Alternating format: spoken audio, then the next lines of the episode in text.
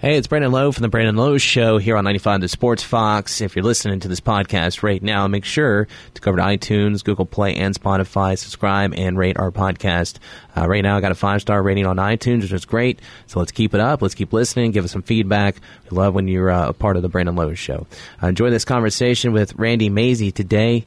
A little early preview before it goes on air right here on WBS AM 950 in Charleston. If you're in the listening area, make sure to check out my show Monday through Friday, 5 p.m. to 6 p.m. right here on 95 The Sports Fox. And here's Coach talking about the Big 12 tournament, uh, finishing the regular season strong and looking towards possibly hosting a regionals in Morgantown. Enjoy.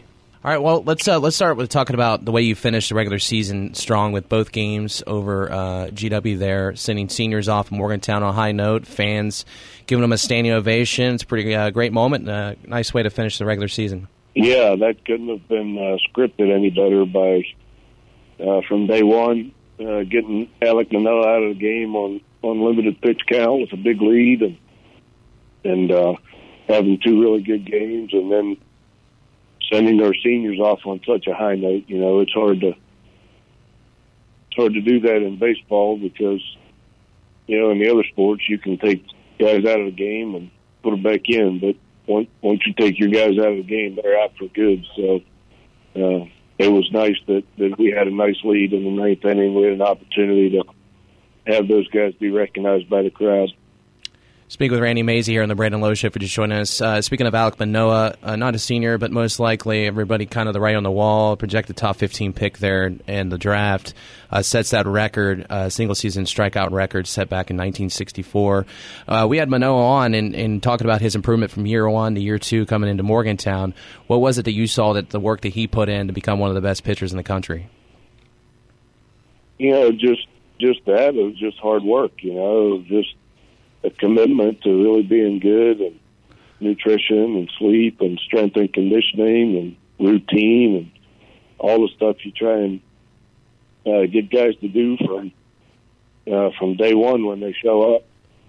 And uh, some guys that uh, arrive at different times in their career, and you know, some guys never arrive. But uh, all credit goes to him. But but he uh, he found the right time to to really get good and and make an impact in our program and, and do really well for himself at the same time. Offensively, you look at the other side when you talk about records and impact. Uh, Darius Hill uh, named Big 12 Player of the Week. Just a monsters week, uh, speaking of that GW series, but just a great year. Score records, doubles, and games played, starts, at bats, etc. Um, what has Darius Hill meant to this program? Most importantly, this year, to you guys, uh, you guys are having. You know, it was uh, when when we first got here. You know, it was we had recruited a lot of Texas kids because that's where we had come from, and those are the kids that we knew at the time, and and those guys were still being recruited with when we were playing at Hawley Field, you know. So, you know, they they kind of stepped out on a limb to uh, to decide to come to West Virginia and play in the Big Twelve, and and uh, it wasn't it wasn't easy to get those guys, but I think they saw the the vision of the program and what the future was going to be like, and their opportunity to do things that have never been done before. And guys like Darius Hill and, and Ivan Gonzalez, who also came from from Texas, you know, those guys made a leap of faith in what we were telling them when we recruited them, and and it's it sure held held true. You know, we've we've done great things since they've been here, and we've only done great things because they've been here. So, uh, love having those guys in the program. They're great uh, team culture guys. It, it really helps, you know, the younger kids to see how those guys uh, mature and do do things the right way, and uh, show the young kids that you know the culture is probably more important than the talent on the field. So. Uh, they're always doing everything right, and they've had great careers for us regular season over. You finished that. Uh, you enter now the Big 12 Baseball Championship there in Oklahoma City. Uh, you are the four seed. Um, let's just start about the confidence right now in your team, winning four in a row, seven of your last eight. As a coach, is this exactly where you want your team play uh, heading into the Big 12 tournament? Yeah, you know, I couldn't imagine being in a better spot right now with you know Nick Snyder, our game one starter, being the midweek guy all season and and uh, staying in his routine, which enables Alek Manoah to stay in his routine, and Kade Strowd to stay in his routine. So, you know that's that's rare when that happens. To be swinging the bat so well coming in here, I think all the the stars have lined up pretty well to make me feel really good about where we're at down here. Speak with Randy Mazey here on the Brandon Lowe Show. Uh, you've had success in the Big 12 tournament. Um, you had uh, the three uh, semifinals last three seasons and the championship appearance in 2016. Uh, it's sort of a gauntlet, but you guys are used to it. It's baseball. You guys have those three game series throughout uh, the season, but uh, this is what it prepares you for. So I'd imagine, as far as from a coaching standpoint, mentality, you want your guys mentally in the game through this grind of this tournament because you've got to play a lot of games in row. It's different opponents. you're familiar with these opponents opponents, but you know it probably takes a lot more focus in the postseason, uh, especially with you guys already locking up the postseason after the Big 12 tournament. Uh, kind of talk about what it takes to have that secession and mentality uh, to be able to get to the Big 12 championship game.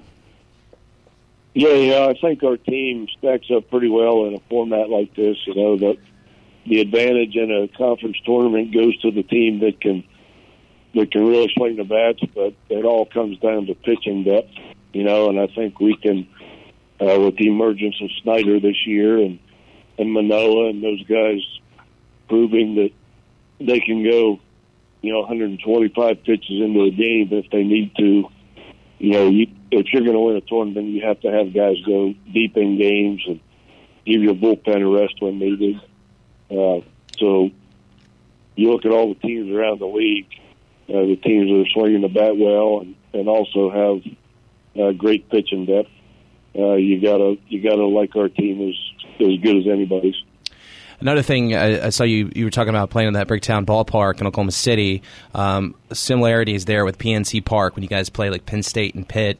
Um, so basically, from a mental standpoint as well for your players, it's there's no real home field advantage other than maybe Oklahoma State and Oklahoma if they make it deeper into the week as you get closer to the weekend there. But um, that's got to be good for you as, as your players too because they can kind of relax a little bit. There's not this uh, huge kind of home field advantage outside of like you said those two schools, Oklahoma State and Oklahoma.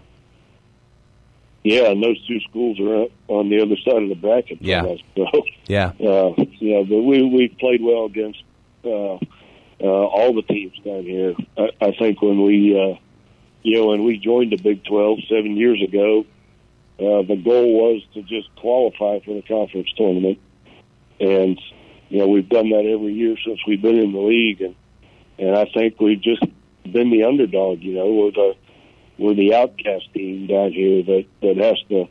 Everybody else drives here, and we fly here. You know, so we're. I think regardless of the success that we have coming into this thing, uh, we're always going to be the team that.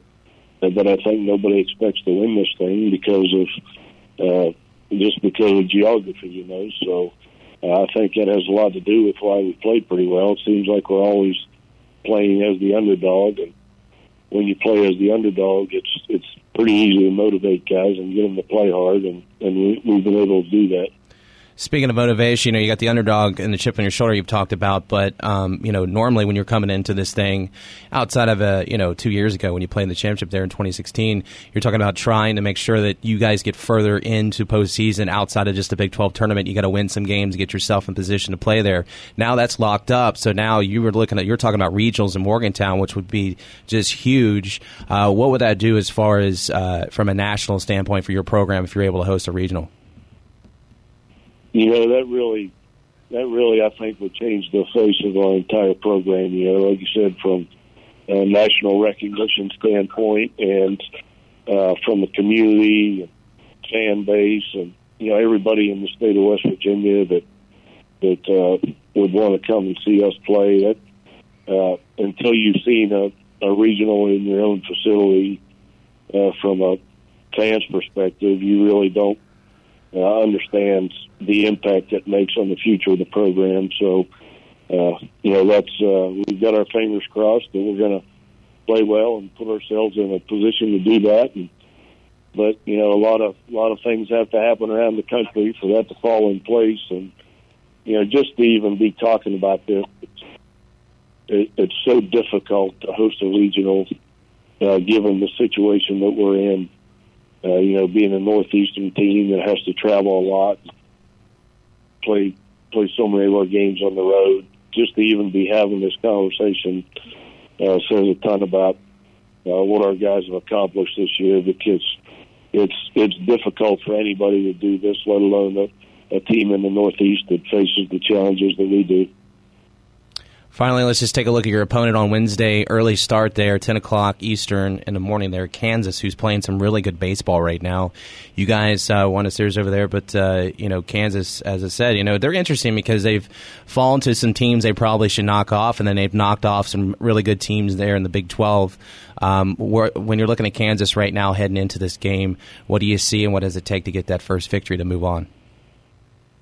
Yeah, I see one of the hottest teams in the league. You know, it was uh, the thing you got to be careful of. I think our guys in their minds had uh, mentally prepared to play TCU in the first game and and face Nick Lodolo, their big pitcher, and it it took Kansas having to sweep their last series to overtake TCU in the standings, and uh, it's so hard to sweep in this league that you really didn't expect that. So I think our guys were prepared for TCU, and and all of a sudden it's a different team. You got to flip the switch a little bit. And, uh, I hope they realize, and I'll tell them that Kansas is one of the hottest teams in the league. You know, I think they won eight out of their last ten conference games, and they've had two sweeps out of the last three weekends, and they're playing with a uh, ton of confidence as well. So, uh, be careful when you ask for when you get Kansas because you're getting a really hot team. He's Randy Mazey, WVU baseball coach. Always a pleasure, coach. Thank you for taking the time uh, this morning to talk to him, and good luck in the tournament there. We'll be rooting for you, and hopefully we'll catch up soon, coach. Okay, thanks, Brent.